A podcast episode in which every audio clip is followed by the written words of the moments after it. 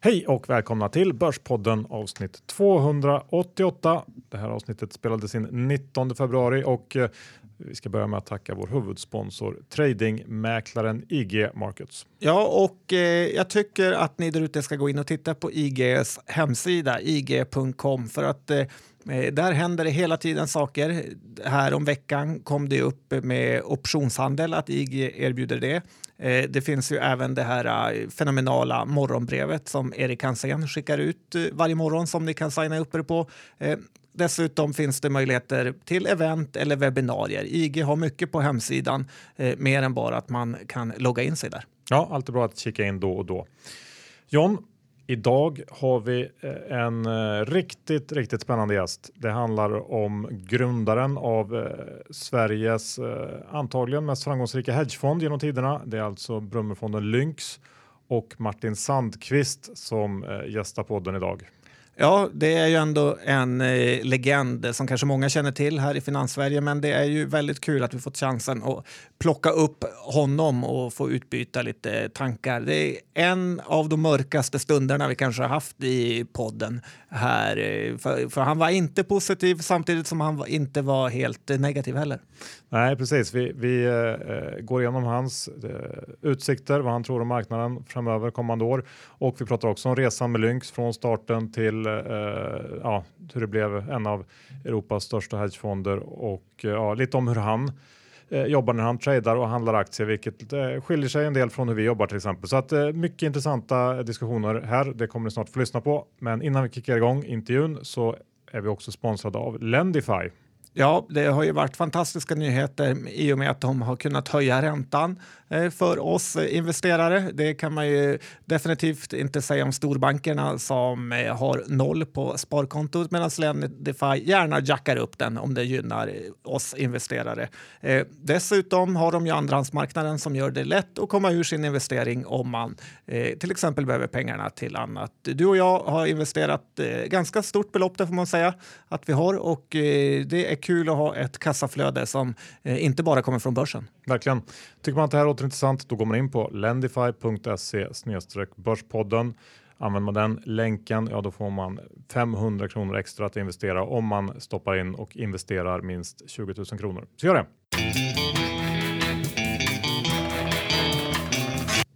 Martin Sandqvist, välkommen till Börspodden. Kul att du ville komma hit. Eh, stort tack för att jag fick komma hit. Det känns ju lite extra. Du är ju ändå grundare eller medgrundare av en av eller kanske Sveriges mest framgångsrika eh, hedgefonder någonsin. Ja, det beror på hur man mäter det, men ehm, eh, senaste åren har inte varit så jätteroliga. Men totalt sett så har det varit en eh, väldigt eh, framgångsrik eh, fond. Mm. Vi, vi, kommer gå in på den, men vi tänkte vi börjar lite mer om, om lite tidigare om din bakgrund. Vad, vad, till att börja med, hur, hur blev du intresserad av, av marknaden till att börja med? Ja, det började tidig ålder, sådär 15 år kanske, så började jag titta i tidningen och eh, jag och min pappa öppnade ett konto och eh, köpte lite aktier och eh, sen började jag läsa om teknisk analys och blev väldigt intresserad av det. Eh, så att jag var väldigt passionerad länge över det och ehm, så att, eh, och sen började jag då plugga eh, på industriell ekonomi och tänkte bli ingenjör och, eh, och så tänkte jag att jag skulle hålla på med trading på sidan om då. Men eh, det visade sig att det var för svårt eh, att hålla sig borta. Liksom. Jag satt på och gjorde praktik på Ericsson och satt på toaletten och pratade med mäklaren. Liksom. då insåg jag att det kanske eh, kanske dags att söka sig till finansen då. Så att eh, då, hopp, då när jag skulle göra mitt exjobb då 95 på KTH så, så sökte jag jobb och eh, skulle göra mitt exjobb samtidigt då på, på där jag fick jobbet och eh, då fick jag jobb på Nordbanken. Eh, och där träffade jag Jonas och Svante så vi startade liksom den här tradinggruppen då, som blev Lynxen. Men det här att du, du, ganska snabbt kom in på att det var teknisk analys som gällde för dig eller den typen av eh, analys och inte det här fundamentala mm. som, som många kanske ändå uh, fastnar för? Ja, jag tror en läggningsfråga. Liksom jag, eh, jag gick igenom liksom den fasen man läste årsrapporter och sådär men jag hade lite svårt att, att, liksom, att greppa det och förstå det. Så att, sen när jag hittade teknisk analys så, så, så, ja, så hade jag mycket lättare att fatta det. Jag gillade att se mönster och sådär. Så att, ja. Mm. Hur gammal är du idag? Nu är jag 49. Och när eh, slutade du på Lynx? Eh, 2000, eh, slutet på 2014, 2015 där. Mm. Men, men hur, hur, du, du sa du, du um, började på Nordbanken. Precis, 95 började på Nordbanken eh, och skulle skriva exjobb där eh, om neurala nätverk. Och, eh, men då träffade jag Jonas och Svante och rätt snart därpå så startade vi en, en prop trading-grupp då som skulle handla med bankens pengar. Och eh, då föll det här exjobbet liksom eh, vid sidan om så att det blev aldrig av. Så att jag tog aldrig examen. Utan, Det var ju ti- tidigt att hålla på. Det är ju en sån här buzzword nu. Ja precis, det, på, på, på den, på, det här var ju 95 då så att det var ju väldigt nytt liksom och eh, kul och sådär. Och sen, ja. Men hur kunde Nordea eller Nordbanken ge en exjobbare tradingmöjligheter? Ja, det är för att Svante och Jonas hade tradat tidigare då på, på banken med, eh, med bankens pengar, fast dis diskretionärt då, alltså inte med matematiska modeller. Och jag hade eh, en bakgrund och liksom textanalys och hade gjort rätt mycket eh, ja, e-, egen studier inom det här området liksom med eh, matematisk trading och systematisk trading. Så att, eh, eh, Svante hade då idén att, att börja förvalta med, med hjälp av modeller och så vi ja, blev ett rätt bra team. Liksom att jag kunde konstruera modellerna och eh, Jonas var väldigt duktig på att programmera och, eh, och backtesta och Svante är en väldigt bra liksom, ledare så, där, så att det var ett bra team. Vad hade du för limiter? Uh, ja, det varierade där. Det gick lite upp och ner och det var lite det som var problemet också. Att, att uh, man var lite liksom at the mercy av, av banken när de drog upp och ner de där limiterna. Så att, uh, de tenderade att dra upp dem när det gått bra och så hade man en dålig period så drar de ner dem. Och, och sen också väldigt bonusfokuserat på sådana banker så att man skulle tjäna pengar varje år vilket är problematiskt då för en så här modellbaserad strategi som kan ha ett par dåliga år på raken. Liksom. Så att eh, vi bestämde oss då för att hoppa av och eh, starta egen låda då 2000. Mm. Och då um, eh, fick ni med er Brummer direkt där? Eller? Nej, utan ut? vi, vi hade en finansiär som, som eh, gick in och, eh, och eh, tog 50% av bolaget och eh, finansierade våra löner och, så där, och lokaler. Sen köpte Brummer ut honom då 2002 eller 2003. Mm. Eh, Så att, eh, och han är tyvärr död nu, tragiskt nog. Men eh, han var länge en, en, en trogen kund också i, i fonden. Så att, Och, det, och den här typen av, av fond eller liksom strategi, eh, hur, såg det ut på marknaden då? Var, liksom, var, var, fanns det mycket konkurrens? Eller Nej, i Sverige, liksom- i Sverige fanns det ingenting. Vi var ju helt uh, nya med den här typen av eh, förvaltning. Liksom. Det, USA har det funnits länge, uh, sådana här CTAs då, sedan 70-talet. Så lite där, det vi liksom byggde det på. Och eh, vi tänkte också att vi skulle liksom luta oss på deras track record och eh, kunna sälja liksom, eh, vår förvaltning utan, även fast vi inte hade så mycket track record så kunde vi luta oss på, på den här förvaltningen i USA. Men eh, det visade sig väldigt svårt att bara sitta tre killar i en, vindsvåning liksom, och, och, eh, och få in kapital. Så att vi hade svårt att få in eh, eh, tillräckligt med kapital för att få firman lönsam. Eh, men sen när Brummer kom in då så fick vi tillgång till hela deras eh, infrastruktur och försäljningsnät och så, där, så att då, då började det komma in assets eh, och det var då det började växa. Liksom. Varför ville han joina er? Eh, Den här finansiären, Nej, Brummer. det var Svante hade en kontakt, han kände Erik Mitteregger där som, som, som ja, han, vi, de, de, det började med att de köpte en option faktiskt och utvärderade oss under ett år. Och eh, sen passade vi rätt bra in i deras, i deras fondparaply för att vi var liksom modellbaserade, systematiska. De hade ingen sån förvaltning tidigare. Så, där, så att, eh, okorrelerat med deras andra grejer. Så att, Och, och hur, liksom, eh, hur eh, utvecklades strategin och, och tänket under de här åren som ni körde? eh, ja, hela tiden egentligen. Alltså, det är en konstant utvecklingsprocess att förbättra och förfina de här modellerna. Men, men hade det gått idag att köra igång eh, på det sättet ni gjorde? Liksom, eller? Jag tror inte det, för blivit att vi, pass- det, det, det, det är så hög kostnad nu idag att köra. Eh, Vi startade med 5 miljoner av den här finansiärens pengar i förvaltning och det, jag tror ingen skulle starta en hedgefond idag med 5 miljoner kronor. Det är, liksom, det är ju unheard of. Eh, Så att, eh, och, men då var liksom de här kostnaderna för compliance och sånt där mycket, mycket lägre så att eh, det gick och eh, inte få gå runt men i alla fall inte, inte liksom eh, bli jättefattig på det. Så att, eh, Ja, nej, tyvärr så är det nog svårare idag. Men däremot finns det andra saker som gör det lättare idag. Liksom man kan ju outsourca mycket och det finns hjälpmedel och sådär. Så att det... Kommer du ihåg dina första trades i, ni körde? Ja, absolut. Eller kommer ihåg. Vissa kommer ihåg från banken som var liksom så speciella som eh, lite roliga. Liksom man, ja, och, eh, men jag kommer även ihåg när vi började köra Eh, med fonden så var vi så små och vi liksom, mäklarna, eh, när man ringde in de här orderna, allt, allt skedde via telefon då. Och då, liksom, då kallade man mig för Mr One Lot is on the phone. så jag blev känd som Mr One Lot för jag, jag exekverade alla orders då. Liksom, och det, de, sa ju, de sa ju med rätt nedlåtande ton kan jag ju säga. Och sen blev de snällare. Ja, sen blev de snällare när det växte så att eh, ja, det, det vände det där. Och hur snabbt gick det liksom uppåt sen då när, det väl, när ni kom in i Brummer? Och, och... Ja, det, det, är- alltså det är olika faser. Så när vi passerade en miljard så var, kändes det lite som att då, då var det en catch-up-effekt. Liksom. Eh, så att, men när vi började i Brummer där så hade vi kanske 100 miljoner förvaltning.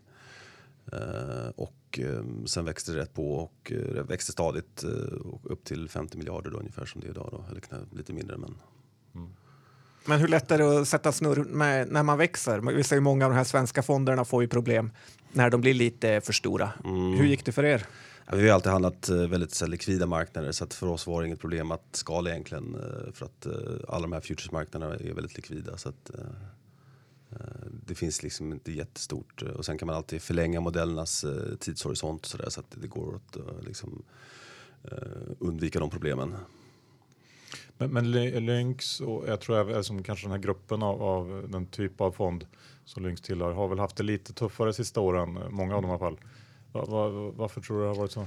Det finns olika förklaringar. Det är, en förklaring är att volatiliteten har varit väldigt låg och eh, vi har inte haft någon riktigt liksom, eh, osäker period. Eh, s- och, eh, så det kan vara en förklaring. En, att, centralbankerna liksom manipulerar liksom, eh, räntenivåerna kan vara en förklaring. Och, eh, eller så kan det också vara att, att den här typen av förvaltning har helt enkelt blivit för vanlig. Att, det finns ju ETF nu som replikerar den här typen av förvaltning. Och, ja, så att det är lite mer utbrett idag än vad det var då. Det, den, ja, mönstret tenderar att degradera över tiden liksom, och det är möjligt att, att den här typen av förvaltning håller på att degradera också. Sen vet man inte liksom hur långt det kommer att degradera. Men, det, Men när du det prat- inte till noll. När du pratar om modeller, vad, liksom, vilka trades tar man? Är det så här, lång valuta, en valuta, kort den andra? eh, Köpa ett aktieindex? Eller vad, liksom, berätta om modellen. Ja, precis. Nej, men man har en portfölj av modeller då, så att varje modell eh, styr sig själv och är helt oberoende av de andra och eh, eh, har olika egenskaper. Liksom. Och då försöker den bygga upp en portfölj eh, där man eh, köper och säljer de här olika tillgångarna efter liksom, eh, de premisser som man har bakat in i modellen. Då. Och det kan vara olika saker. Det kan vara följa trenden var ju liksom en så här klassisk eh, alltså momentum-strategi. Eh, Men vi hade även mean reversion strategier och eh, andra typer av strategier för att försöka hitta mönster och ja, som modellerna byggde på. Men så försökte man skapa då en, en total portfölj av de här eh, modellportföljerna för att eh, få en så jämn avkastning som möjligt. Då. Vilka var de längsta tradesen ni hade? Nej, det hade var ni- inte väldigt långa, vissa höll man i flera år så, där, så det kan vara jättelånga trender som man försökte hitta. Och sen även kortare trender på ett par dagar också så att allt däremellan försökte man sprida ut liksom och eh, diversifiera sig i tidsramarna. Men satt ni själva och gjorde de här modellerna i typ Excel? Då? Ja, Att ni precis, satt det och det. backtrackade dem och sen... Ja, det var mycket Excel och mycket, mycket C++ som Jonas programmerade i. Jag gjorde mycket Excel och sen gick jag över till MATLAB. Men eh, det har ju självklart liksom utvecklats med tiden nu med att liksom, det har kommit mer och mer bra software. Då, men eh, på den tiden var det mycket Excel och eh, C++ som man backtestade. Eh, och eh, det var svårt att få tag på bra data och sånt där också. Jätteproblem bara att få, få, få, få bra data och backtesta. Liksom. Men idag finns det ju hur mycket data som helst. Så att, men det kunde vara då som att typ Sydkoreas riksbank höjer räntan, då går man lång index i två år eller? Ja, inte, det var inte så mycket sådana här fundamentala. Vi hade lite sådana här äh, räntebaserade modeller som liksom äh, gick in äh, och spelade på carry och, och när räntedifferensen blev för stor mellan olika länder till exempel. Men majoriteten av modellerna var prisbaserade, mm, framförallt och momentumbaserade, att, att köpa styrka och sälja svaghet och bara försöka följa trenden och spela på att marknaden har de här feta svansarna i distributionen då. Så att, eh, ja, förr eller senare så kommer en stor trend som, som, som eh, täcker upp alla de här små förlusterna som man gör. Mm. Så, ni- så ni liksom ägnar i princip ingen tid att försöka själva analysera och förutspå? Nej precis, utan allt var helt systematiskt, helt modellbaserat och eh, på, på den tiden var det väldigt, väldigt ovanligt. Jag kommer ihåg att folk var helt skräckslagna när, när vi sa att, liksom, att eh, all, allt skulle skötas av modellerna och datorerna. De tyckte vi var helt dumma i huvudet. Liksom. Men idag är det snarare tvärtom, att om man inte liksom låter datorerna sköta allting så är man dum i huvudet. Att, eh, Men jag menar, om ni har gjort modellerna är det väl ändå ni som liksom har bestämt vad Ja, ni exakt. ska Så det kö- är- köpa? Det är alltid liksom en, en, eh, semantisk dis- diskussion definiera vad som är diskretionärt och vad som är systematiskt. Eh, för precis som du säger så måste vi ju sätta bestämma modellerna, man måste sätta vikten i modellerna, man måste liksom bestämma vilka marknader och allt sånt där. Så att, eh, sen kan man alltid ändra i modellen, vilket var problemet för många under lång tid att man ändrade för mycket i modellen och hade inte liksom disciplinen att, att eh, uh, hålla sig fast vid en modell under en dålig period. Så att, uh, nu har ju folk lärt sig det där att man ska, måste vara disciplinerad. Liksom. Uh, men hur mycket av, av liksom framgången i en sån här modell är liksom hantverk och vad, vad är eh, mer ren liksom, vad ska man säga, research? Och liksom, det är lite, lite både och. Jag stod mest för den här liksom, kreativa delen och försökte hitta liksom, lite uh, nya och uh, nytänkande sätt att, att, att uh, prediktera marknaden medan Jonas stod mer för den här liksom, kvantbaserade, liksom, att man, att man uh, försökte verifiera det liksom, historiskt. Och, mm. så det var en rätt, rätt bra kombination faktiskt. Men, men hur kände eh, det när ni, när ni hade kommit upp i, i liksom 50 miljarder i, i, förvaltat kapital och, och leverera riktigt bra liksom, avkastning. Vad, trodde ni någonsin att det skulle kunna bli så stort och, och framgångsrikt? Nej, alltså vårt, vår förhoppning var ju liksom förvalta en miljard. Det, var, det tänkte vi att det var ju ungefär så mycket man behövde. Liksom. Så att hade kunnat komma upp i det så var vi ju superlyckliga. Mm. Uh, så att, ja, det var många, många tuffa år på vägen där när man, när man uh, åt uh, vatten och bröd i princip. Och, Uh, vissa perioder var man så deprimerad. Jag kommer ihåg att jag inte ens orkade kamma håret, liksom inte ens ta på mig kostym och gå in på jobbet liksom, för att uh, man hade en dålig period liksom, och man trodde att nu är det slut snart här. Liksom. Och, uh, för det, det, är rätt tufft den här typen av förvaltning. Det är mycket stora drawdowns, det är rätt långa perioder när det inte um, är någon bra performance och då måste man ha tålamodet och sitta med. Liksom, så att, men när hade ni er största svacka om man eh, tar bort liksom första startup-åren? Ja, men det är nu egentligen de senaste fyra åren har varit den, stor, den största svackan. Sån stor svacka har inte varit eh, historiskt. Då, så att, eh, men har, har det, för du, du lämnade för, var det 2014, 15? Ja, precis, för fyra år sedan ungefär. Ja. Var, var, varför tog du det beslutet?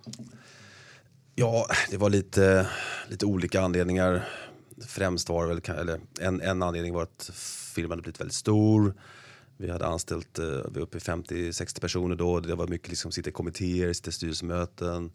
Eh, vilket jag inte är så intresserad av och ehm, tagit in väldigt mycket duktiga researchmänniskor så att, eh, som var mycket smartare än vad jag var. Så att jag kände att jag hade inte så mycket mer att bidra på den fronten och hade svårt att komma på nya modeller, idéer helt enkelt. Och sen har jag alltid haft, sen, jag, sen, jag var 15 år, har alltid haft liksom en vilja att testa min diskretionära liksom, tradingådra också. Då, och, så att, eh, men hur funkar det? Blev det så, sålde du din, din del då eller blev du köpt? Eller? Nej, utan jag har kvar, eh, jag har sålt en del men jag har kvar en viss ägande i firman och, och andelar i fonden också. Mm. Så att, ja. Men jag tänker på när ni var som störst och gick som bäst. Hur stekig var du i Finans Stockholm då? hur, hur mycket respekt fick du när du gick in i ett rum? Ja, nej, jag, jag tänkte aldrig på det på, på det sättet. För det, var, det, var alltid, det var ju aldrig så att det var en spikrak kurva uppåt utan det var alltid liksom eh, eh rätt skakig resa. Så att, eh, ja, det var aldrig så att jag kände att, man, att folk var så superimponerade kanske. Men, eh, eh Ja, det var en svår fråga. Jag måste. men, men, om, vi, om vi går vidare till, till vad du gör idag. Du, du, du valde att sluta eh, för, för några år sedan och uh, testa din egen trading. Är det det du, du håller på med? Precis, uh, så nu, nu har jag, liksom, har jag en så, så, så kallad hybridvariant. Liksom att, jag, att jag kombinerar systematiska mönster och modeller med min egen diskretionära förmåga. Då, så att jag uh, ja, försöker kombinera de två helt enkelt för att kunskap. Men, men din egen, menar du då din egen förmåga att hitta mönster och, ja, precis, eller in, inte någon äh, egen fundamental analys? Jag har utan... lite fundamental input, kanske 10 av, av liksom inputen till en signal eller en trade är fundamentalbaserad eller makrobaserad. Jag är rätt intresserad av makroekonomi så tycker det är kul att fundera på men det har inte superstor inverkan på, på portföljen kan man säga. Mm. Men vad är det som driver dig? För du är ju, om man läser om det i alla fall, eh, miljardär och du kunde ju softa rätt ordentligt. Vad är det som driver dig att eh, fortsätta inom finansmarknaden? Ja, men jag har alltid haft passion för trading och jag tycker det, alltså, för mig är det ingen skillnad på, på jobb och fritiden. Jag, jag, jag gör bara det jag älskar liksom, och uh, skulle jag inte få betalt för det här så skulle jag sitta och göra det ändå liksom, själv. Så att, uh, för mig handlar det inte så mycket om pengar utan mer bara att det, det är väldigt kul helt enkelt att hålla på och gissa vart marknaden ska ta vägen. Det är väldigt spännande tycker jag, göra prediktioner. Mm. Uh, försöka bygga, bygga bra portföljer. Det är väldigt roligt. Hur går det då? Det har gått väldigt bra. Um, så att, uh, jag är väldigt nöjd med den avkastningen. Det är lite jämnare avkastning än, än i, i trendföljande då för att det bygger inte alls på samma koncept. Och sen är det mycket, självklart mycket mindre pengar. Här pratar vi bara om mina, mina egna pengar. Så att, eh, och jag har största delen fortfarande, eller en väldigt stor del i fonden Lynx. Så att eh, jag förvaltar liksom en mindre del på det här sättet. Vad, vad är största skillnaden mot, mot Lynx, din egen handel? Nej, men det är att, att, eh, att det inte är liksom systematiskt 100% utan det är att, att varje position har helt enkelt är en ihopvägning av massa olika information. Och det måste göras i mitt huvud helt enkelt. Mm. Men skulle du vilja ta den här, den här typen av förvaltning vidare till att bygga en, en ny fond eller, eller är det här enbart Jag, jag vet för... inte, det, är liksom, det får framtiden utvisa lite. Första steget var nu bara att se om det överhuvudtaget gick. Liksom. Jag visste ju inte, jag hade inte diskretionärt tradat förut egentligen så att, eh, jag hade ingen aning om det skulle gå överhuvudtaget. Så att jag var tvungen att testa, börja med att testa och se om det går. Så att, eh, det var första steget. Så får vi se vad som händer i framtiden. Men det, mm. Du har jobbat nu lång tid eh, med de finansiella marknaderna. Vad skulle du säga att man lär sig med åren? Ja, respektera risk eh, och eh, att eh, det, det, som man inte tror kan inträffa inträffar oftare. Eh, men jag kommer ihåg IT-bubblan bara där, liksom, att man, eh, man var så bäsad på Nasdaq där 99 liksom, och sen dubblades Nasdaq därifrån. Så att och även den här bitcoin-crazen. Liksom, och, det är sådana saker som händer hela tiden. Att vi skulle ha negativa räntor. Alltså, det är så mycket grejer som ligger utan, utanför ens fattningsförmåga men som ändå händer som man liksom måste vara förberedd på. Och eh, försöka ha en så diversifierad approach som möjligt. Alltså jag kör inte bara min här alpha, core alpha trading utan jag har även andra investeringar i fastigheter och private equity och eh, asset allocation, eh, så där, lång råvaror och guld och sånt där. Så att eh, försöka sprida sina risker. För det är en sak som jag kan känna att eh, man nästan blir sämre med åren för att man blir så rädd för allting. För allt, man vet att allt kan hända hela tiden. Ja, det är lite så. Man, det gäller att, att inte påverka ens trading liksom. Eh, men, eh, ja, men så är det. Det är lite rädd att bli rädd för att dra i avtrycken liksom. Men, men det här med, med att respektera risk, då, är det, det, tänker du då främst på att diversifiera? Eller vad, vad... Ja, och hålla koll på risken, att, inte, att, att, att, att, att det ligger på en bra nivå. Att uh, mäta den hela tiden och se till att inga positioner sticker ut. till exempel. Försöka, jag försöker ha så uh, jämn fördelning mellan alla positioner som möjligt. Så att, uh, även om någonting smäller, liksom, om jag är lång en aktie så, och vdn avgår, den går ner till och går ner liksom 70% så är inte det hela världen för det är så liten del av portföljen. Vad kan du förlora mest en dag? Eh, nej, men jag har en varrisk som ligger runt 1,5 procent så det, liksom det, det är de krokarna det slår. Någonstans mellan, eh, men jag har ju tappat eh, 2 procent kanske mest på en dag. Eh. Att, vad, vad hände då den dagen? Kommer inte ihåg tyvärr. jag är min, min, en av mina, eller min kanske enda superstyrka är att jag har väldigt dåligt minne. Så det, och det är väldigt bra att ha i finansvärlden för att man glömmer sina dåliga affärer väldigt snabbt och kan gå vidare. Och eh, när man har, som jag håller på med här, man har, jag har ungefär rätt 60% av tiden. Det innebär att man har liksom rätt många, man kan ha rätt många perioder där man har 10 fel på raken och det måste man kunna glömma och bara gå vidare, ta nästa trade liksom. Så att eh, det är bra med dåligt minne. Det är inte så dumt att glömma dem bra heller. Nej precis, men eh, man ska inte, jag vet inte, för mig handlar det inte så mycket om att, eh, att njuta av de bra affärerna utan det är mer liksom njuta av processen och mm. Eh, det här med att prediktera marknader och veta att man ja, skapar en bra portfölj och avkastning över tiden. Och, ja. mm. Men hur ser en eh, normal dag ut för dig nu Ja, det, jag vaknar upp och eh, går till skolan med dottern och eh, sen går jag till jobbet och och eh, sätter mig där och, eh, och förvaltar. Sen en stor del också, men när man sitter själv så där så är det mycket, att, det är mycket andra saker att göra också. Det är liksom mycket admin, det är mycket, man ska göra research och försöka förbättra sin process. Man ska liksom, sköta IT, alltså det är mycket saker som, som måste mm. göras. Men du gör allting själv? Ja, sen har jag fått hjälp på IT-fronten och på, på redovisningsfronten och sådär också. Men det, det är mycket att göra själv. Så att, och sen, sen tycker jag också även det, det är viktigt att man eh, spenderar mycket tid bara genom att sitta och tänka och inte jag, jag sitter inte framför skärmen och tittar på varje tick. Det, det, är inte min typ av trading utan det är mer um, försöka justera positionerna, kanske göra tio affärer per dag, uh, eller tio justeringar och sen resten av tiden försöka göra research och, och uh, ja, lära mig nya saker helt enkelt. Hur många timmar om dagen lägger du ner? Ja, för, för mig är det, liksom, det, det, det är heltidsjobb. Liksom, det, det, det, det är hela tiden i princip. Eh, så det är familjen och, och, och, eh, och förvaltningen som man håller på med. Det... Men du följer USA-börsen på när, den, när eh, Stockholmsbörsen har stängt? Ja, precis. Nu, nu hann inte Stockholmsbörsen, men när USA öppnar så, så, så gör jag lite justeringar där och sen trackar jag så följer jag det när jag är hemma då fram till tio. Då, så att, men jag är inte, det är inte superkortsiktigt så att, inte så att jag behöver sitta framför skärmen utan det är mer att jag har datorn på och eh, om ett alarm går, någon aktie går förbi någon nivå som jag är intresserad av så, så plingar det till och då kan jag göra en affär. Men det kanske händer liksom en, två gånger per kväll. Så, där, så det, Vilken mäklare använder du? När eh, du... jag använder Interactive Brokers, tycker jag är jättebra. Eh, bästa nä- mäklaren i USA tycker jag. Och varför handlar du inte Stockholmsbörsen alls? För det blir för mycket, det, det, är, um, det blir för många marknader helt enkelt att hålla koll på. Liksom. Eh, Det räcker med de här futuresmarknaderna och sen kör jag spreadar på futuresmarknaden också. Så att det, är, det är väldigt stort universum bara att hålla koll på under förmiddagen fram till då USA öppnar. Så att eh, det är mer bara en tidsfråga. Jag skulle kunna hade man tid och eh, folk skulle vilja handla Asien också men eh, det blir för mycket att hålla koll på helt enkelt. Men känner du inte att du har lite informationsnackdel? Du sitter i Stockholm och tradar amerikanska marknaden. Ja, precis. Men i och med att min, all, allt, allt det jag gör handlar om mönster, eller det mesta handlar om mönsterigenkänning. Sen använder jag en hel del machine learning ovanpå det. Och lite makro som är väldigt USA-fokuserad också. Så att, i och med att, eh, ja, jag, är väldigt USA-fokuserad så, där, så att, eh, det passar mig bra. Sen finns det väldigt mycket bolag där, det finns väldigt mycket, det är väldigt likvitt. Det finns väldigt mycket hjälpmedel på nätet eh, som, som, är, som är fokuserade på amerikanska aktier som man kan använda, alltså screeningverktyg och sånt där. Så att, eh, ja, jag gillar amerikanska aktier men det är, det är mest en tidsfråga att man inte kan handla allt. Liksom. Hur mycket courtage lägger du per månad? Ja, det är svårt att säga.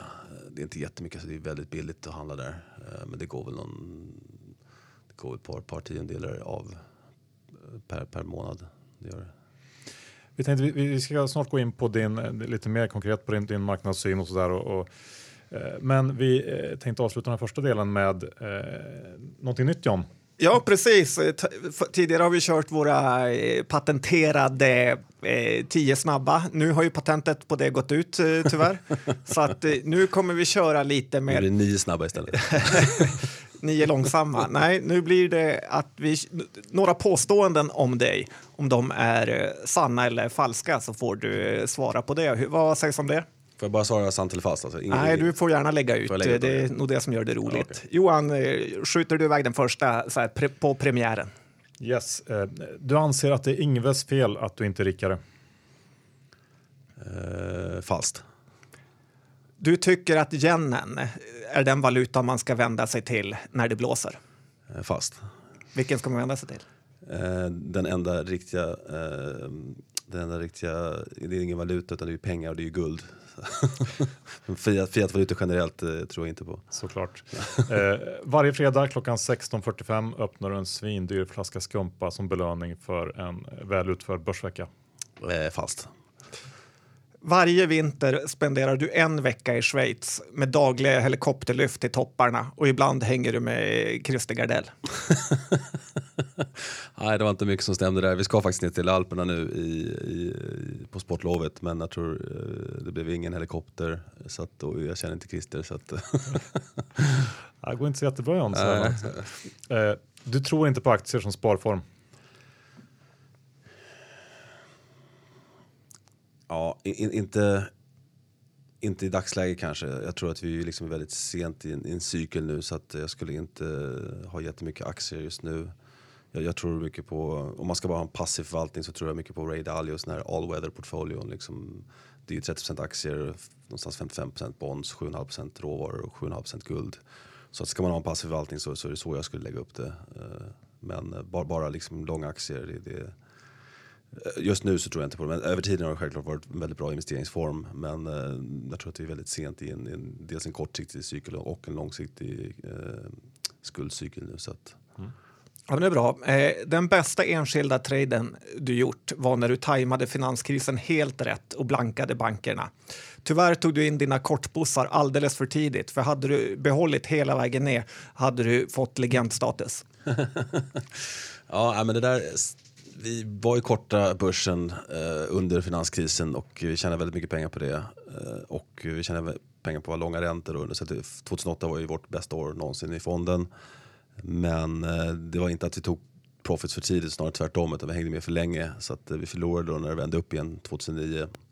Så att, ja, i och med att vi följer med trenden och liksom väntar tills det vänder. Just nu respekterar du ingen i Sveriges hedgefondsfär. Ja, det måste jag säga falskt på dem, men jag vill inte gå in på detaljer. Men det var en liten blinkning med ögat där. Eh, du, Sist eh, du läste svensk affärspress var på 90-talet. Ja, nej, jag läser Dagens Industri varje dag och det får räknas. Ja. Och eh, sista påståendet. Du eh, hade varit starkare än Syding om du bara hade tränat hälften så mycket. Absolut sant.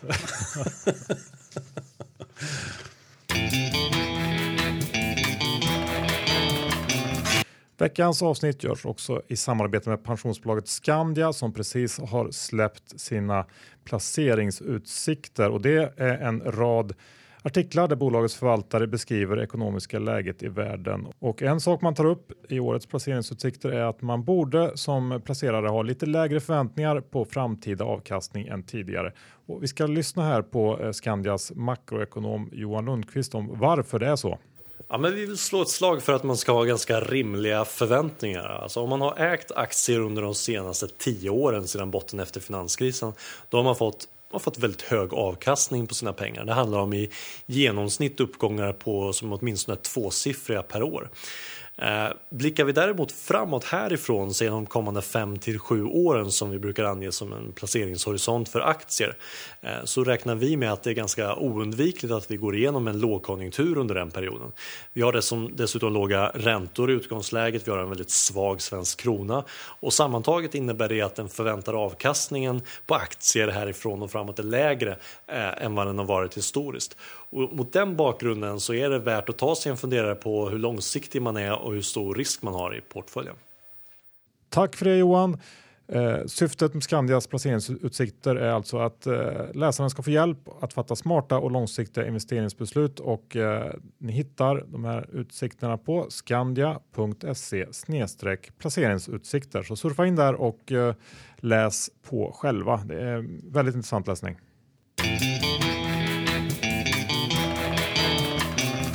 Bra, då går vi in eh, lite grann på din, eh, din eh, marknadssyn just nu.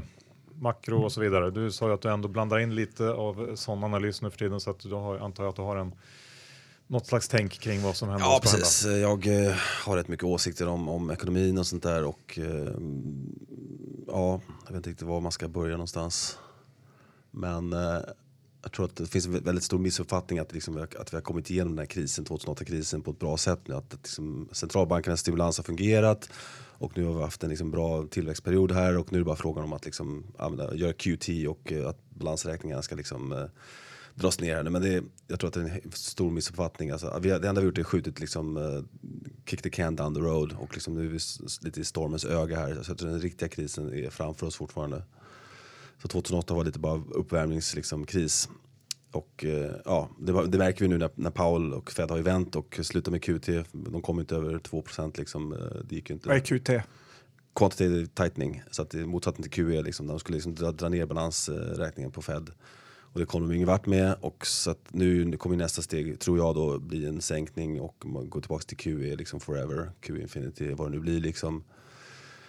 Eller, eller troligen så blir det också någon form av QP, liksom, Quantitative Easing for the People, någon typ av helikopterpengar liksom, för att folk kommer börja inse att man kan liksom inte stimulera eh, finansmarknaden hur som helst. Det ser vi med gula västen och allt, allt det här. Folk är ju trötta på det och förstår att mycket av de klyftor som vi har idag kommer från centralbankernas eh, liksom, räddning av finansmarknaden hela tiden och att man håller liksom, uh, assets, eh, assetspriserna under, liksom, ja, att de inte ska kollapsa. Då. Och det, det hjälper ju de som har liksom, tillgångar, aktier och fastigheter och bonds. Men det hjälper inte den som arbetar på företag. Mm. Men just det här med att 2008 inte var det liksom bara någon uppvärmning. Det var ju ändå fullständig eh, katastrof då. ja, fast det hade blivit mycket värre om man inte hade gjort alla de här åtgärderna. Och liksom, eh, För ja. man lät ju ändå Lehman gå i putten och det var väl eh, liksom en var, utlösande faktor ja, till att det blev en härva. Det var väl det enda rätta de gjorde. Liksom. Jag, jag, tycker man ska låta allting gå i putten och det kommer gå i putten förr eller senare för att det finns liksom ingen, ingen väg ur det här skuldhålet. Liksom det finns, folk tror att det går att lösa på något snyggt sätt där men det enda sättet är liksom att rensa systemet. Och det kommer komma men det kommer komma bli mycket värre nu för att man inte gjort det tidigare. Vi skulle gjort det 2000, det gjorde vi inte. Vi skulle gjort det 2008, det gjorde vi inte. Nästa gång, min, min tro är att det här kommer sluta i någon typ av liksom fiat valutakris då, där man tappar, totalt tappar förtroende för fiat valutor och eh, det blir någon omskrivning av hela, hela valutasystemet eh, för att man helt enkelt trycker för mycket pengar och har räntorna för låga alldeles för länge. Liksom. eh, för att stimulera, stimulera ekonomin igen. Då. Det kommer inte funka. Det, det har ju aldrig funkat egentligen. Men borde man inte ha fått någon typ av inflation för att man, att det här, för nu har vi nästan deflation, så det är snarare tvärtom. Ja, nu, nu, nu kommer vi in på ett ämne som är tar rätt lång tid. Vi kan börja med bara definitionen av inflation är något som många, många, många människor inte förstår eller som har fel. Om, om du slår upp definitionen av inflation i en ordbok idag så står det ju att inflation är en generell ökning av, av priserna. Och det är ju, så har det inte varit tidigare. Om du tittar i en ordbok som är skriven innan 89 eller något sånt där så står det den rätta definitionen av inflation är en expansion av penningmängden. Vilket är det sanna definitionen av inflation. Och om man ska definiera inflation så, så har vi haft massiv inflation med tanke på all QE och alla låga räntor som vi har haft. Eh, och eh, även hur vi mäter inflation är också liksom gravt eh, vad ska man säga, missvisande. Alltså KPI tror jag inte är i närheten av att mäta inflation på rätt sätt.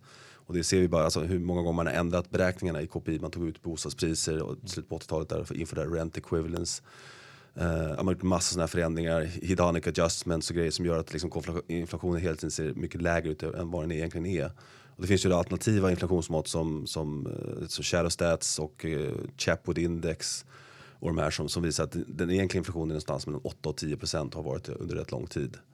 Om det är så att inflationen är där uppe, då är vi snarare i en strukturell depression. För att om du ska baka in den deflatorn i BNP-beräkningen så har vi inte haft positiv BNP under väldigt lång tid.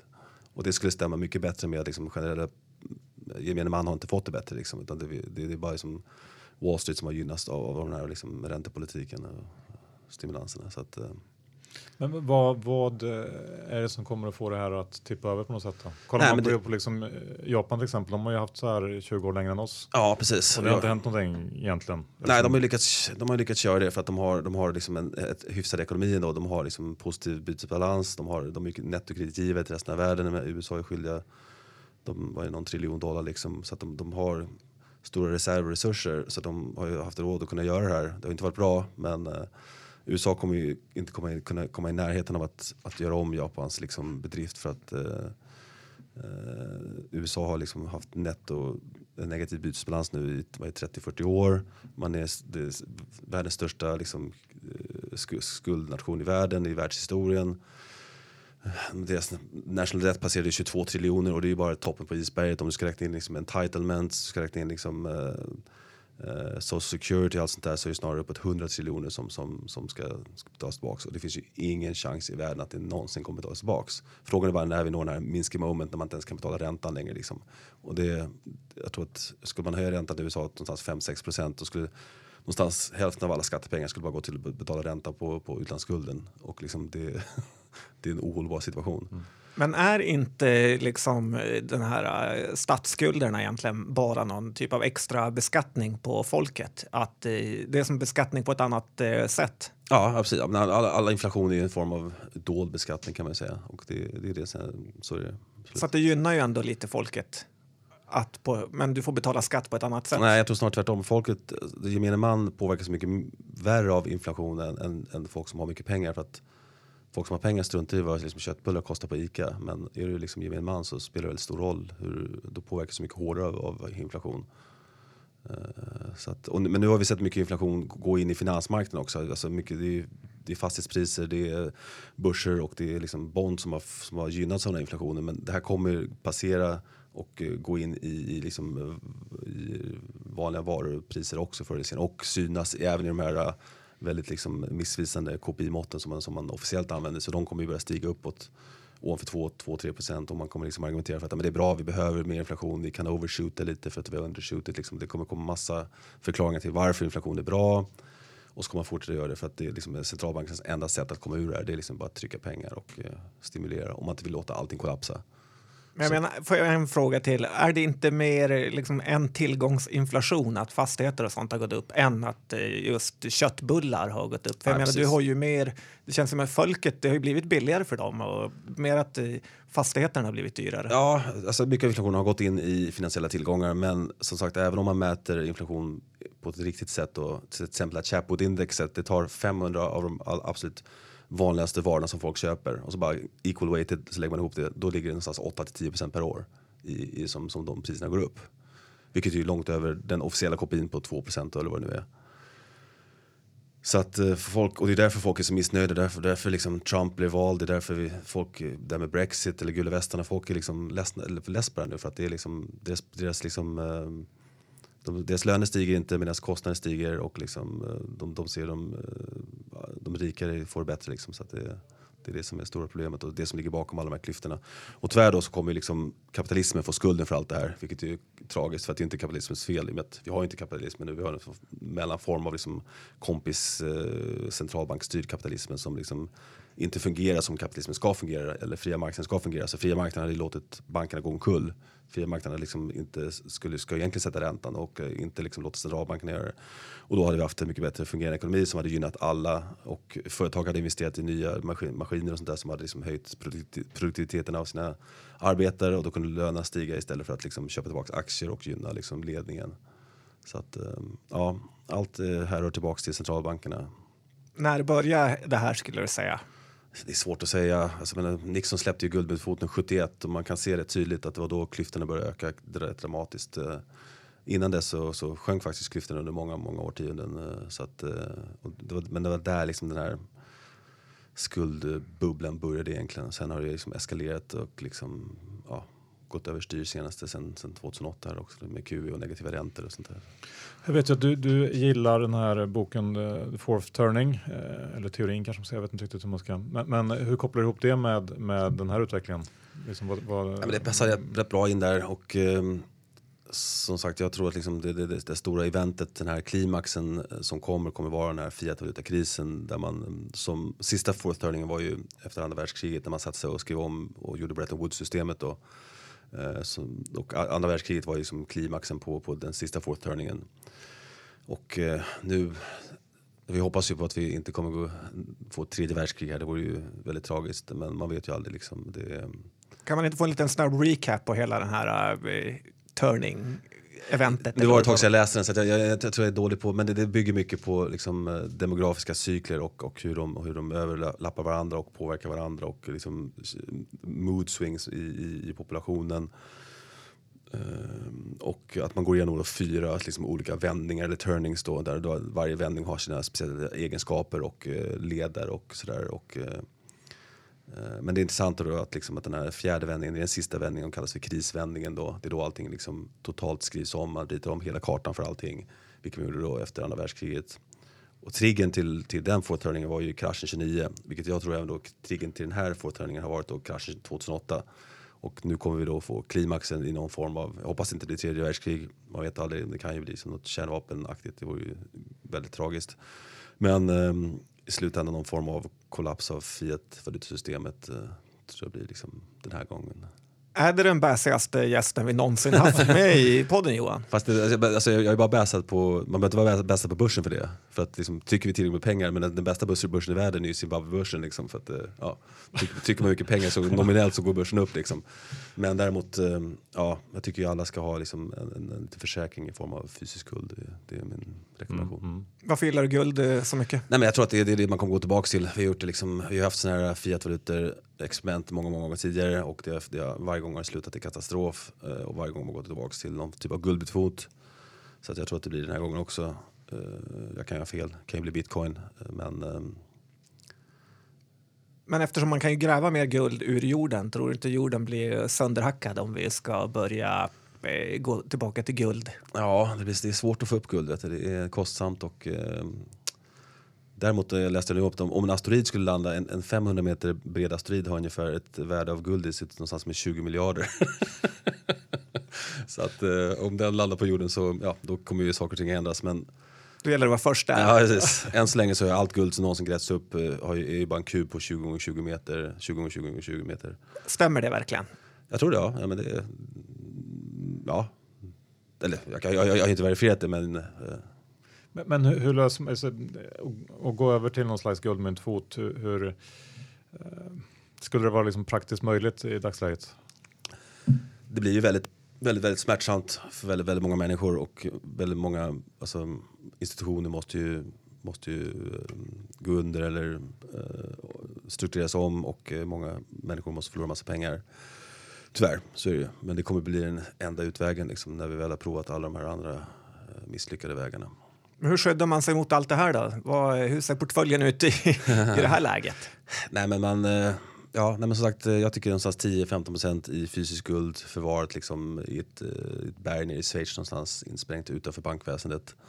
Eh, För det är väldigt viktigt att uh, ha det utanför bankväsendet om man stänger bankerna. Då. Men kommer man ens dit om allt går käpprätt? Då måste du ta liksom Ja, flyget ner till Schweiz. Ja, och, men jag, tror, jag, jag, jag, jag, jag är inte så här liksom prepper, liksom, eh, att, att man måste liksom ha odlat sin egen... eh, Liksom, Du har liksom ingen gård på Nya Zeeland? Nej, men jag har faktiskt en gård på Ibiza.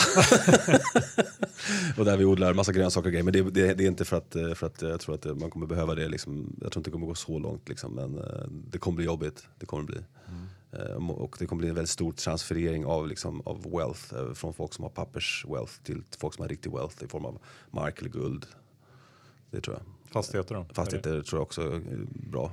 Det är re, rejäl tillgång. Liksom. Men, det- men, men eh, ehm, man kan ju liksom koppla in eh, krypto och kanske då, eh, bitcoin framförallt när man snackar om, om den här typen av liksom, guldaktiga eh, tillgångar. Det är Men- du det inte digitala riktigt- guldet som de säger. Ja, exakt. du, du, är, du är lite tveksam till den teorin. Eh, jag tror inte kryptovalutor kommer funka som ett alternativ, eh, för det är inte digitalt guld. Eh, det, däremot tror jag blockchain är väldigt intressant teknik och liksom att, att hitta ett sätt att decentralisera, kunna liksom följa folks ägande och följa folks transaktioner är ett jättebra sätt. Eh, eh, eh, jättebra teknik, men det funkar, jag tror inte det funkar som valuta för att en valuta måste ha en begränsad mängd. Det har inte bitcoin i och med att du kan forka hur mycket du vill. Du kan skapa hur många altcoins som möjligt. Så att det finns liksom ingen om priset på bitcoin stiger markant så kommer det, liksom, det kommer forkas ännu mer och det kommer liksom skapas oändlig supply. Så att det, liksom, det funkar inte som pengar. Sen finns det heller ingen inneboende värde i en bitcoin, vilket en valuta måste ha, liksom, eller vara kopplat till i alla fall. Något, något som har ett inneboende värde. Klipp inte bort det här Johan. Men det här med att man kan få, få men du tänker också på, på alla altcoins och allt, allt liksom Ja. hela spacet, krypto. Ja, då säger folk liksom, ja, men, eh, det är frågan om någon, någon kommer överleva liksom, och det, det, det, det, det är den som kommer liksom överleva. Men så, det är inte så teknik funkar. Liksom. Teknik är ju alltid Teknik är ju alltid så att det, tekniken blir alltid bättre och bättre och priset blir alltid lägre och lägre. Det är så teknik fungerar. Liksom. Och bitcoin är en form av teknik. Liksom. Det, det är bara att kolla på, hade du velat ha liksom, pl- plasmaskärmar som en valuta när du köpte den för tre- 300 000, nu kan du köpa den för 2 000 liksom. Det- Ja. Du jämförde någonstans hörde jag ett, att äga en bitcoin, det var som att ha ett eh, Facebook-konto. Eh, kan Ja, precis. Jag kanske drog den parallellen med Facebook. Eh, Ja, men det är mer att liksom, jag tror att alltså, nätverket har, har ett värde i sig. Men för det är många argumenterar ju så att, att ja, men det här nätverket är värt någonting och det är det ju kanske. Men eh, bitcoin i sig är ju inte värd någonting. Du kan inte göra någonting med den. Du kan liksom inte... Eh, du kan bara skicka den till någon annan helt enkelt. Och det, det är inget värde i sig, ty, tycker jag. Det har ett use case som, som mycket gillar att säga, men det är... Eh, jag tror att ett, eh, man må, det måste ha ett inneboende värde utanför vad du kan göra, alltså skicka det till någon. Liksom, utan, Men kan man inte säga liksom att merparten av, av liksom värdet i guld är väl också lite sådär, eh, alltså use caset i guld om man har smycken och liksom kanske den typen av alltså riktiga Resten är väl luft också på något sätt eller vad ska man säga? Man har kommit överens om att det är värt vad det nu är. Nej, jag tror snarare tvärtom, att guld har liksom funkat som pengar under tusentals år av just den anledningen att, att det är den metall som är bäst lämpad att funka som pengar. Och eh, det har ju olika förklaringar. En, ett är ju att guld är oförstörbart. Allt guld som används idag, det förstörs ju inte. Liksom. Det finns ju alltid kvar, så att det, det, det, det försvinner aldrig något guld. Även fast du använder guldet då till, även i, i elektronik och sånt där. Och guld skulle användas mycket mer, det är ju en väldigt, väldigt bra metall. När NASA ska liksom använda, göra kablar så använder de ju guld. Liksom. Men det är väldigt dyrt, därför används inte mer i industrin. Det skulle ju användas mycket mer om det var billigare. Men nu har ju den här monetära aspekten som gör att det, att det är mycket högre prissatt än det liksom industriella värdet av metallen. Mm. Och sen har det ju de andra positiva egenskaperna att det, går liksom, att det är delbart, att det är liksom, eh, lika överallt och eh, ja, massa saker som gör att det är väldigt bra, funkar väldigt bra som pengar genom åren. Mm, mm. Ja, det, det är spännande. Men, men, men om, om vi kollar eh, liksom, lite mer på, på marknaden här framöver, vad, vad ser du för liksom, närmsta åren här? Vad ser du för stora liksom, möjligheter och, och risker? Och, liksom, vad, vad håller du utkik Eh, efter? men bara för, det där med bi- bitcoin och guld. eh, Alltså en, en, en eh, tänkbar scenario är att det blir någon form av kombination mellan liksom något, något, en blockchain och, och eh, guld. En guldbackad eh, liksom, eh, kryptovaluta. Det, det kan ske. Liksom, för att jag, ja, vill bara säga det. Så att jag är inte liksom anti-blockchain eller så. Mm.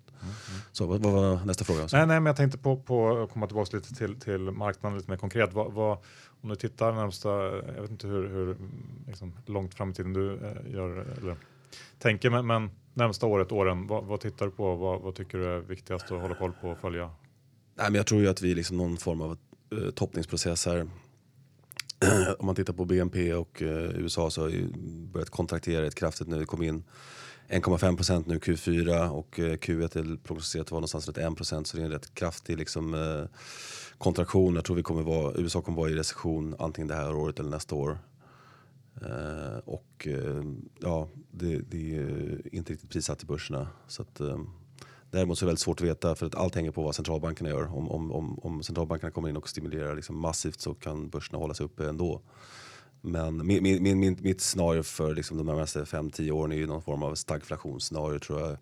Eller någon, kanske en kombination av 30-talet och 70-talet. Att vi har hög inflation och, men inte bara liksom stagflation eller liksom eh, stag, stagnerande ekonomi utan att det även är en depression. Så att en, en depressions inflationistisk depression. det är min prognos. det, det, det, det är bara bättre det är sämst, sämst av alla världar tyvärr. Ja, 30 och 70-talet, det är nazister och hippies. Det blir ja. tuff, tuff period där för Ja, man hoppas oss. att det inte blir nazister. Alltså det, det, alltså det finns ju många, den populistiska vågen börjar dra nu och det är ju riktigt läskigt eh, vissa saker man ser. Liksom, så att det, jag så läste faktiskt någon, någon, intervju med, med Steve Bannon som ju, liksom hjälpte Trump till makten som, som hade just uh, The Fourth Turning som liksom någon slags eh, mall för mm. egentligen hur han byggde upp uh, liksom tänket och kampanjen och ah, strategin okay, bakom. Ah, okay. uh, ah, lustigt. Så det kanske, det, ja, det, det, kanske finns, ligger en hel del i... i ja, jag, jag, vet inte hur mycket prediktivt värde egentligen fourth turning-teorin har. Det är svårt att säga. Den, alltså jag är inte, den är, man kan bara läsa och bli fascinerad av att det har liksom funkat historiskt så här, men man ska alltid vara lite försiktig med sina teorier och ha, ta det lite med en nypa salt. Mm. Liksom. Eh. Men blir man inte lite för försiktig på börsen om man har din eh, vy? För jag menar finanskrisen, då gick börsen, det var i princip ett och ett halvt dåligt år och sen eh, har det gått upp eh, sen dess. Ja, att vi, får kanske, vi kan få ett dåligt år, men sen kommer det tuffa på. Vi har ju trots allt eh, nio miljarder människor som ska köpa saker, äta mat och... Ja, eh, men jämför börsen med till exempel guld sen 2000. Så har guld performat mycket, mycket bättre.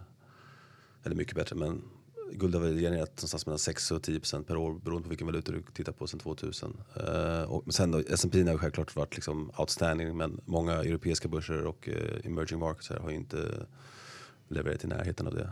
Så att, eh, men jag säger inte att man inte ska ha några aktier alls. Det, det, så är det inte. Eh, jag, jag, jag tror mycket på min teori att när, när väl dollarn börjar falla på grund av liksom att man går tillbaka till QE och man börjar sänka räntan i USA så kommer liksom emerging markets ta fart igen. menar, P1 på emerging markets är fortfarande någonstans 10-11 medan det är 18 på S&P nu i västvärlden. Så det finns stort utrymme för, jag tror mycket av skiftet kommer gå liksom från väst till öst. Liksom, att man kommer se stora, man kommer se bra ökningar på, på emerging market börser. Liksom. Det, har du något favoritland i Asien? det, är väl, det är Kina de här. Liksom. Det, fast just nu är jag lite lång Thailand och Indonesien faktiskt. Men ja, jag tror Kina kommer vara liksom det som Jim Rogers säger, 1800-talet tillhörde liksom britterna, 1900-talet tillhörde USA. Jag tror ja, 2000-talet här kommer tillhöra liksom Kina. Vietnam, då är det många som experter som pratar om. Sorry, ett, Vietnam. Vietnam, ja men det är också långt i Vietnam nu faktiskt. Eh, det tror jag mycket på. Jag tror, jag tror hela, hela den, den regionen kommer explodera och framförallt när dollarn börjar falla. För att mycket av det, det som håller tillbaka investeringar i emerging markets är starka dollarn. För att folk, folk vill inte ha den här valutarisken. Liksom. Så att, men när, när dollarn börjar falla så kommer det gynna de här länderna enormt. Folk tror att det är tvärtom för att deras valuta stiger och att de kommer inte exportera men det är precis tvärtom. Då kommer all, alla pengar kommer flöda in i, i emerging markets när väl deras valuta vänder. Men, men, det är många som väntar på, liksom, man, man, man säger att man hade finanskrisen och sen så kom eurokrisen eller Europakrisen och att att man, man eh, tror att det kommer att komma någon typ av liknande kris eh, liksom även i, i ja, framförallt Kina kanske. Men, eh.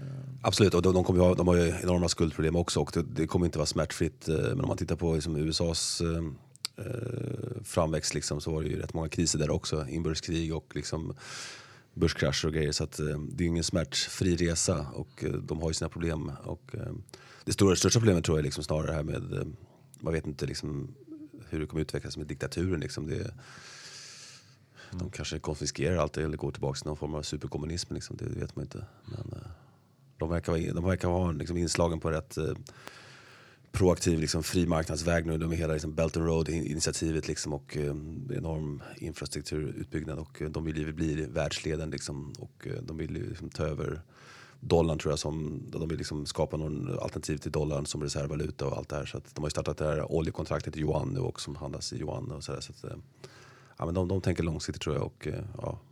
Men köper du fonder eller terminer eller hur får du exponeringen till Eh, de här där länderna? är det fonder och ETFer som jag använder. Du låter ju ganska bassy och negativ till världen i stort här. Men kan du inte berätta lite vad du ser positiva saker som, som du ser? Ja, nej, precis. Men jag tror liksom att när jag jag tror att den här krisen som kommer nu, om det kommer liksom närmaste åren, kommer ändå vara förlösande och bra på lång sikt. För att det kommer liksom det kommer rätta upp en massa saker. Det kommer liksom, vi kommer få en bättre fungerande ekonomi. Vi kommer få en ekonomi som gynnar alla, inte bara liksom folk som har aktier och fastigheter. Vi kommer liksom, ja, så att det, det kommer vara det, det är alltid, efter en fourth turning så kommer alltid liksom en the first turning då som är, som är en väldigt bra period. Så att, eh, alla, alla kriser föder med sig någonting gott liksom, med tiden och eh, som sagt jag tror eh, mycket positivt kommer hända i öst eh, med emerging markets. Och så där, Hur mycket kommer Nasdaq rasa med när, för, innan vi går över till first turning? Ja, det- vad är det- ditt bett på det? Det är omöjligt att säga. Däremot det, det jag tror kommer hända är att alltså, relationen mellan Dow och guld kommer gå till ett eller kanske under ett till och med. För det har alltid skett i de tidigare kriserna. Nu ligger det någonstans 18-19 tror jag. Och under toppen på 2000-bubblan där så var det på 40. Så det var toppen. Och sen har det gått ner så var det nere under 6 som värst och sen har det tickat tillbaka upp nu. Men sen om det kommer vara liksom Dow 20 000, guld 20 000 eller Dow 1000 och guld 1000 det, det vet jag inte. Men snarare kanske troligare att det blir det, det, det förstnämnda. Att man kommer trycka mycket pengar och därmed kommer börserna hållas under armarna. Men i, i reella termer så kommer det inte liksom få så bra avkastning för att guld kommer liksom gå bättre än allting annat. Mm, spännande. Har du något, något ehm, liksom, eh, tips till, till eh, alla lyssnare? Något att läsa eller göra eller vad som helst?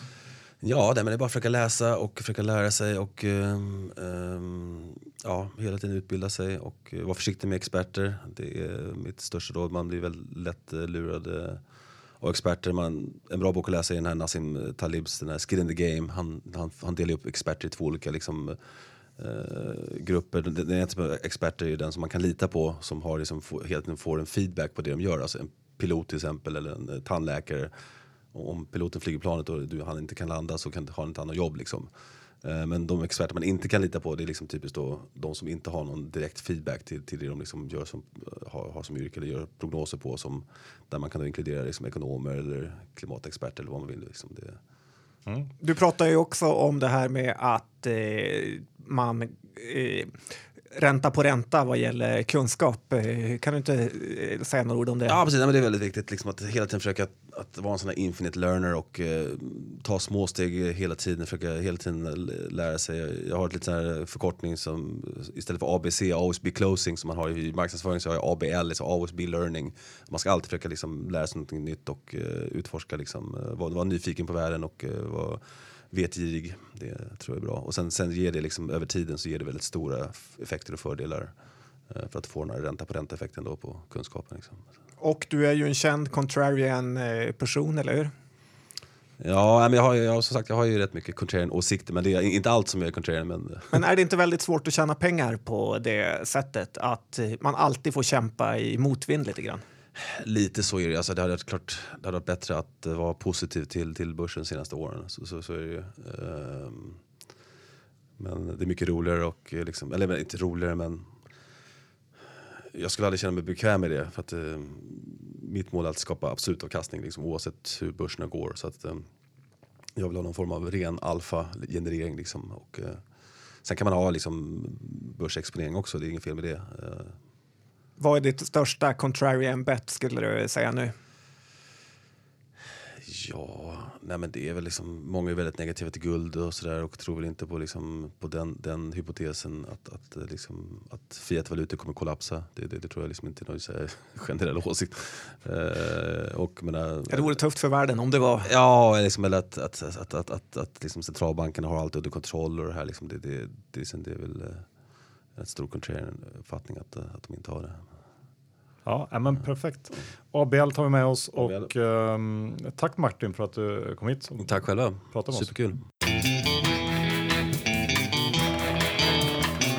Tack för det Martin Sandqvist. Eh, fantastisk story han har och eh, ja, lite, lite mörka utsikter kanske, men eh, det ska bli bättre sen efter det här stålbadet. Ja, och jag har svårt att släppa den här känslan av att han eh, på toppen förvaltar om 50 miljarder. Det är ganska mäktigt i lilla Sverige. Det är stort.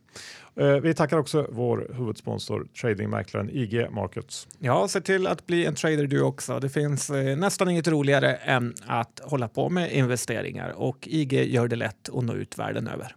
Japp. Och eh, Lendify, vill ni bli er egen bank? Eh, ja, det vill ni, eller hur John?